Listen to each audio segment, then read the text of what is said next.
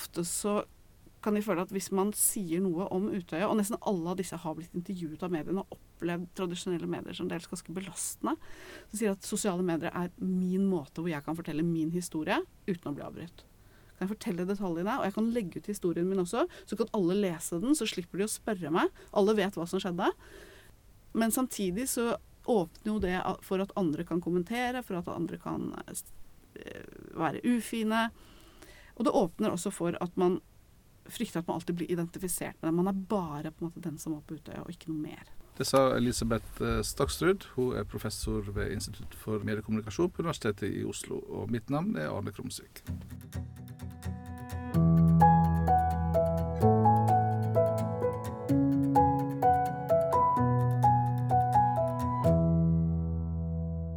At jeg er eh, interessert i å jobbe med denne studien, er jo fordi at jeg er interessert i generelt nett og risiko.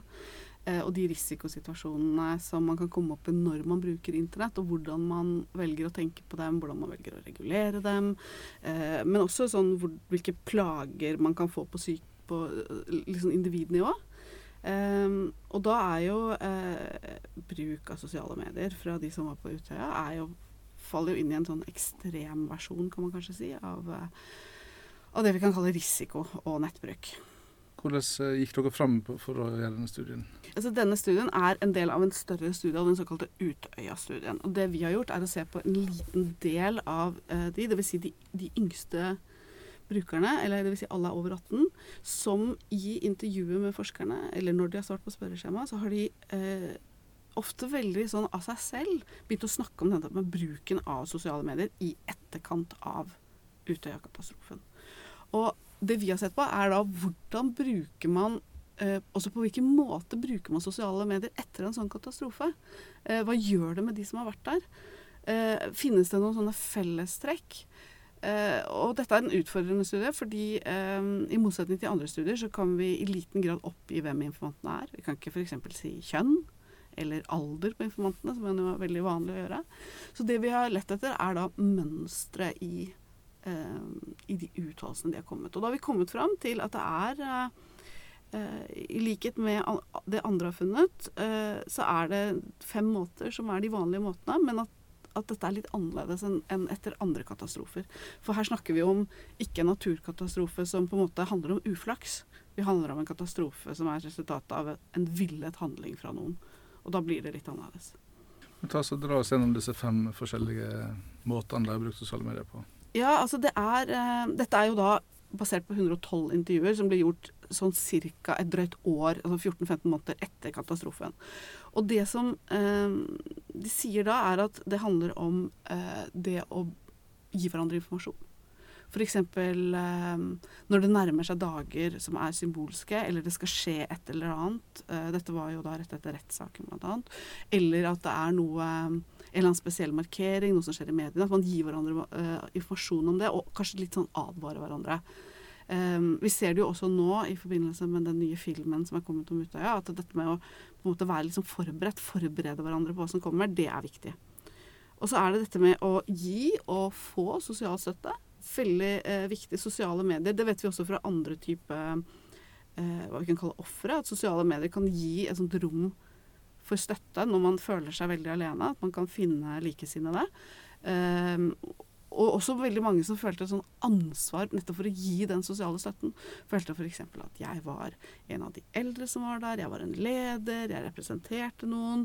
Jeg må passe på, jeg må fortsette å passe på de yngre som var der. Um, og så er det sorg. Uh, og det ser vi at sorg på internett, uh, særlig sosiale medier, kan være litt annerledes. Um, mange som um, sier at de selv om de forsøker å, å, komme seg ut av sorgen, så er det vanskelig fordi at man har eh, Man har f.eks. Facebook-siden til de som er omkommet. Eller de som er drept. Ligger der fremdeles. Enten er de gjort om til minnesider, eller de, eller de er der som åpne profiler. Um, når noen skriver på tavla til dem, så kommer det opp i feeden din. At man er inne på bursdager, eller noen ganger som noen sier at jeg går inn bare for å lese for å lese oppdateringer, for å huske, altså for å på en måte sørge på nettet. Uh, og at det er en, en, sterk funksjon. Og så er det dette med å ha ulike sånne symbol uh, symbolske interaksjoner, Uh, vise hverandre støtte, sende, sende mm, på en måte Det kan være rammer, det kan være bilder, det kan være altså, sy, altså denne symbolske måten man kan operere på. Og så er det det å delta i debatter og diskusjoner. Men dette er et tveget sverd, fordi at det er veldig mange som føler at dette er Altså det er både viktig å fortelle historien sin, men så er de vare på at ofte så kan de føle at hvis man sier noe om Utøya, og nesten alle av disse har blitt intervjuet av mediene og opplevd tradisjonelle medier som dels ganske belastende, så sier at sosiale medier er min måte hvor jeg kan fortelle min historie uten å bli avbrutt. Kan jeg fortelle detaljene, og jeg kan legge ut historien min også, så kan alle lese den, så slipper de å spørre meg. Alle vet hva som skjedde. Men samtidig så åpner jo det for at andre kan kommentere, for at andre kan eh, være ufine. Og det åpner også for at man frykter at man alltid blir identifisert med det. Man er bare på en måte den som var på Utøya, og ikke noe mer. Så det, dette her er det eh, Vi kan si at i alle disse kategoriene så er det både positive og negative sider.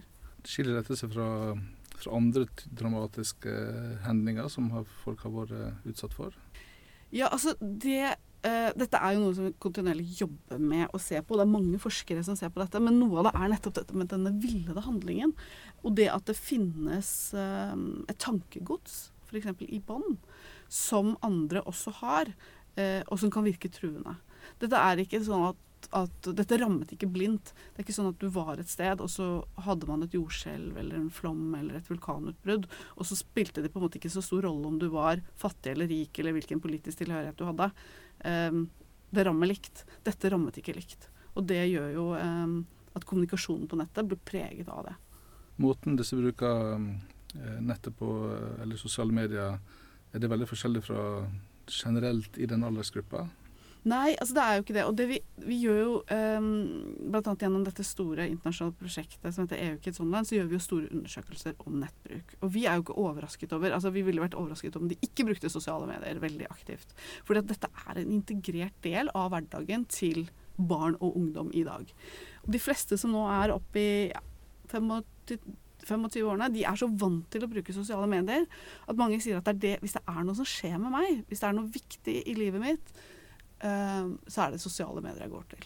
Vi hadde jo allerede i, i 2010 så hadde vi et uh, funn blant 11-16-åringer i Norge som sa at uh, over halvparten av norske barn og 80% av de fra familier med lav sosioøkonomisk status sa at det er lettere for meg å være meg selv på internett enn utenfor. Så hvis de har lyst til å vise hvem de er, Eh, hvis de har lyst til å komme med de meningene de har, hvis de har lyst til å på en måte være seg selv ordentlig, så vil de heller søke til internett enn face to face. Hvorfor er det slik? Så det er mange grunner til det. Mange av de vi intervjuer, sier uh, eh, f.eks. at det, er liksom, det, er lettere for meg uh, å være den jeg er på internett, fordi at uh, når jeg sitter bak skjermen, så ser jeg ikke f.eks. at noen ler av meg. Jeg kan skrive det jeg skriver, og så kan jeg kanskje til og med redigere det til en måte, så kan alle se hvor kul jeg er, eller hvor tøff jeg er, eller, eller hvilke meninger jeg har, uten at de ser at jeg rødmer. Eller at jeg bare har en bukse som er kjøpt på Kubus og ikke på den fancy butikken. Eller at faren min er alkoholiker. Eller at jeg har kviser. Så blir, skjermen blir en slags beskyttelse.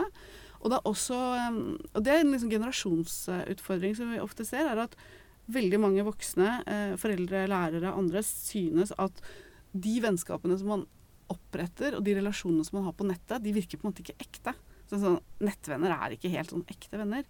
Mens barn og ungdom ofte uttrykker at de oppfatter det omvendt. At de har nærere relasjoner på nettet fordi det er lettere å være både privat og personlig, og det er lettere å følge hverandre opp i hverdagen. Man sender en sånn hyggelig melding med et hjerte og en liten bamse og sier god natt hver kveld. Men samtidig så gjør jo det at man er mer seg selv og det at man har disse intime relasjonene også på nettet, gjør også at man blir mer sårbar for eh, angrep, eller hvis noen vil deg vondt. Ja, for det er vel ikke helt risikofritt på nettet heller? Nei, det er ikke helt risikofritt. Eh, og det vi ser er jo at eh, det er mange typer risiko. Eh, og eh, det som er litt av utfordringen, er at de tingene som voksne er bekymret for, lærere, politikere, foreldre, er kanskje ikke helt det som, når vi ser i forskningen, er det som er faktisk eh, den type risiko som kan lede til skade, og ikke til vekst og resiliens, motstandskraft, som vi sier. Sånn at eh, utfordringen her er jo å studere ulike typer risiko, og ikke, og ikke eh, nødvendigvis bare tenke på hva opplever man som er eh, risikabelt eller som kan være en fare, men leder det faktisk til skade? Og det gir utfordrende forskning som vi jobber mye med. Men Fortell litt mer om det, om det gapet mellom eh, hva en er redd for og hva som egentlig er farlig. Ja, altså det er litt sånn eh, som Jeg vokste jo opp uten internett sjøl. Og da jeg vokste opp, så husker jeg at det var tre ting som jeg hørte i barndommen min. Um, det første var at jeg aldri, aldri, aldri måtte bli med fremmede menn som kjørte forbi i biler og tilbød meg godteri. Og det var en sånn generell regel som jeg tror de fleste jenter, kanskje også guttene, har fått. Men dette ble jo aldri forklart. Samtidig så var det veldig sånn fokus på godteri. Sånn at jeg husker at jeg tilbrakte ganske mye av barndommen min med å tenke Hva hvis han ikke har godteri? Kan jeg bli med da? Så det, det var på en måte den, den, ene viktige tingen. Den andre viktige tingen det var at jeg aldri måtte begynne med narkotika. Det var slemme folk der ute som ville meg vondt, og som kom til å prøve å lure meg til det. Eh, og, og, jeg er fra Østlandet, så da var det generelt så var det også sånn ikke vær sammen med folk fra Kolbotn. Så det var veldig sånn spesifikt. Og den tredje tingen, og det var den viktigste, som jeg hørte hver eneste dag, det var at jeg aldri, aldri, aldri, uansett hva som skjedde, måtte ringe Riks. Og det på en måte oppsummerer litt sånn derre min barndoms eh, faresignaler fra de voksne. Og det har jeg tenkt veldig mye på der, når man vokser opp, hva er foreldrene redd for? Så når, jeg, jobbet med, jeg jobbet mye med digital mobbing, for det er det, noe av det vi ser leder til oftest til skade og til mest skade. Jeg tenker på Hva er foreldre egentlig bekymret for i dag? Og så viser det seg at det ligger i litt sånn samme leia som da vi som er litt eldre, vokste opp. De er bekymret for ting som, no, som skal skje med barnet. De er bekymret for ting som at en fremmed skal komme og Altså en pedof pedofil skal lure dem på nettet. De er bekymret for trafikken. De er bekymret for at andre barn skal mobbe dem. Eh, eller de er bekymret for at barna skal skru på eh, datamaskinen, iPaden, mobiltelefonen, og så skal porno komme til dem. Men det de ikke er bekymret for, det er de tingene som er mye mer sannsynlig, som er at barn og unge aktivt selv bidrar til denne risikoen. At de mobber andre. Vi har jo store undersøkelser hvor vi f.eks. Eh, ser at det er fryktelig mange foreldre som er bekymret for at barna deres blir mobbet. Men det er nesten ingen foreldre som sier at barna mine mobber andre. De er ikke bekymret for at barna selv skal oppsøke pornografi, eller at de skal ha sex, eller at de skal drikke, eller få trøbbel med politiet. Men hvis vi spør om naboens barn, da øker bekymringen aktivt. Så dette er også et sånt interessant metodisk eh, problem og grep vi gjør. Sånn at veldig mye av bekymringen voksne har, handler om teknologi. Den handler om medier. Den handler om de tingene vi ikke er vokst opp med sjøl, som vi derfor ikke forstår så godt. Eh, mine foreldre var veldig bekymra over videoen. Jeg er ikke så bekymra for den, for den er jeg vokst opp med. Men jeg er da kanskje mer bekymret for mobiltelefon eller, eller multiplayer online gaming. Og i denne, på en måte, denne bekymringen her, så låser det seg litt eh, i forhold til hva, hvilke tiltak man setter i gang, og hva man faktisk tenker må gjøres og ikke gjøres. Og da kan det noen ganger bli feil. Fordi at vår magefølelse som foreldre er ikke helt um, finstilt i forhold til hva faktisk barn og unge gjør, og hva som er farlig for dem. Og en av de største risikoene kan, barnet ditt kan ha, er nettopp det at de plager andre. Troller som, eh, som vi ser poppe opp når, når, politikere diskuterer ulike tema. Mm. I hvilken grad eh, møter ungdommer på det når de er på sosiale medier? Jo, altså, um, det er jo en av de tingene som vi um, lurer jeg veldig på. Eh, nå gjør vi en svær undersøkelse nå hvor vi bl.a. har en egen uh, forsknings... Uh, en, en, en, egen tematikk hvor vi ser på erfaringer med hat på nettet blant barn og ungdom. Men det vi har sett fra tidligere studier som vi har gjort, det var F.eks. så har vi sett på dette som heter skadelig brukergenerert innhold. Som er barn og unge, da et representativt utvalg av 11-16-åringer i Norge, som er inne på f.eks. hatsider på nettet. Altså ekstremistsider. Og det vi fant da i den forrige undersøkelsen, var at eh, det er det ganske mange som er. Eh, hvis jeg husker riktig nå, mellom altså rundt 47% av guttene i 14-16-årsalderen. Men eh, det er også en overvekt av barn og ungdom fra minoritet, eh, som har minoritetsbakgrunn. Og det vi tror, er at det er veldig mange barn og unge som går på nettet, eh, og så leser de nettopp eh, hat rettet mot dem eller den gruppen de tilhører. Og hva det betyr, det er vi usikre på. Men vi ser at det f.eks. er en veldig sterk sammenheng mellom det å bli mobba på nettet, eller det å være utpekt som en, en som mobber på nettet, og det å ha opplevd hat på nettet, eller det å være inne på sider hvor man diskuterer hvordan man skal begå selvmord, eller farlige slankesider, eller selvskadingssider. Så disse, disse, litt sånn større faresignalene, de henger sammen. Risiko er litt sånn at det, eh, det hoper seg opp. Hvis du først har én eh, utfordring, ett problem, så kan det ofte være eh, lett på nettet at du, du, du kan rote deg bort i andre ting. Så det som er viktig, er den måten vi klarer å håndtere de som er sårbare i utgangspunktet. Det kan være de som har startet sent med internett, det kan være de som har psykiske utfordringer, det kan være andre årsaker. Men også hvordan vi lærer barn og unge å håndtere risiko og eh, ubehagelige erfaringer når det skjer. Har de god håndteringskompetanse, klarer de å snakke med noen og be om hjelp, eller vet de hva de skal gjøre for å hjelpe seg selv, så går det stort sett bra. De klarer å gå videre fra den risikoen, og den blir ikke på en måte et stort problem. Mens de som har det vi kaller en uh, fatalistisk håndtering, de havner i problemer. Fordi at de vet ikke hva de skal gjøre for å hjelpe seg selv. De har vanskelig for å snakke med noen. Eh, og ofte da så kan de ende opp i en situasjon hvor det bare blir mer og mer av det samme. Så her, Vi har på en måte gode forskningsmessige råd til, til eh, hva man kan gjøre for å øke eh, den proaktive håndteringskompetansen. Men vi vet ikke helt hvordan vi skal nå alle disse, eh, de som er mest sårbare. Og de som blir sittende fast i sånne ekkokamre, hatkamre f.eks., de er jo noen av de vi er mest bekymra for. Og det er derfor vi da undersøker de mer nå og går mer i dybden på den problematikken. Er det noen måter foreldre kan eh, oppdage dette på? Ja, altså Dette er jo eh, så det, Nye medier, eh, mobiltelefon, dataspill, internett kan føles veldig komplisert for foreldre. Og veldig mange sier OK, dette må skolen ta seg av. Jeg, har, jeg kan ikke, har ikke teknisk kompetanse. Det er en god og en dårlig nyhet her. Eh, den gode nyheten er at vi vet veldig godt hva som skal til. Den dårlige nyheten er at det er ganske vanskelig. Og det er at du faktisk må snakke med ungene dine. Når vi undersøker og ser på barn og foreldre eh, fra samme familier, og ser på hvilke barn er det som havner i ulike typer risiko, og hvilke er det som klarer å håndtere risikoen på en konstruktiv måte, så ser vi at det er en overvekt av de barna som har foreldre som driver det vi kaller proaktiv oppdragelse, dvs. Si at de snakker med barna sine, at de engasjerer seg, at de har en løpende dialog med dem, de barna klarer seg best. Og det er både fordi at de lærer mer. De er sammen med foreldrene når de er på nettet. De starter ofte tidlig og får leke seg på en måte gjennom å beherske ulike typer tjenester. Men også fordi at når noe skjer, så stoler de på foreldrene sine, og så går de og sier fra 'nå trenger jeg hjelp'. Men det betyr jo da faktisk at du må snakke med dem. Og I tillegg så er det en del kollektive sånne grep man kan gjøre. Og kanskje det aller viktigste det er å sørge for at alle barn i klassen, alle barn i barnehageavdelingen, blir invitert til bursdag. Det normative klimaet som man klarer å lage utenfor nettet, er det som bestemmer hvordan de har det på nettet. Så det er ganske enkelt og ganske vanskelig. Ungdommene som dere intervjuet etter Utøya, var i utgangspunktet eh, ressurssterke. Eh, påvirker det måten de har valgt å bruke sosiale medier på i denne situasjonen etterpå?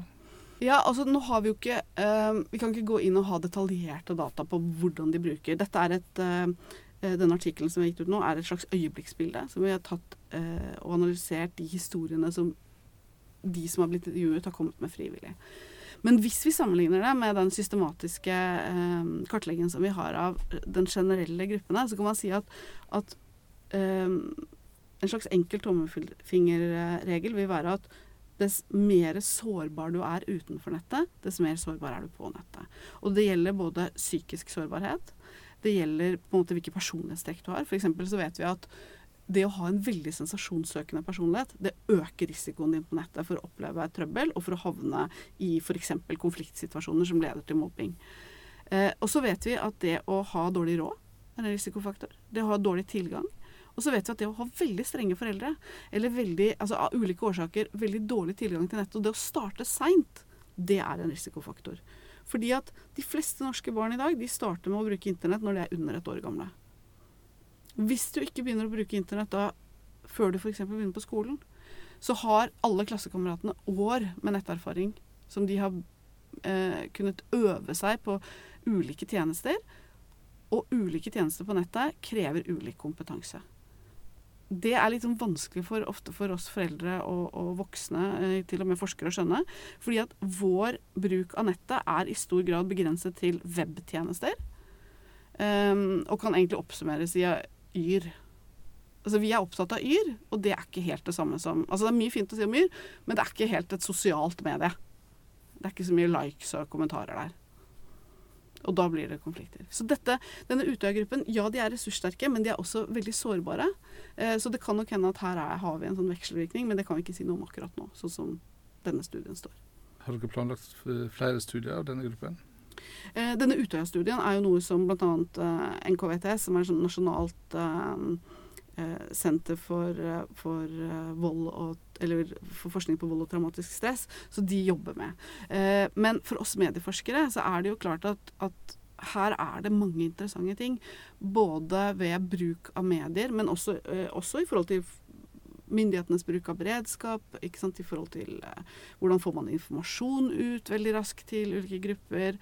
Eh, sånn at i et samfunnsrisikoperspektiv så er jo dette også interessant. Så det er godt mulig at, at det her kommer mer.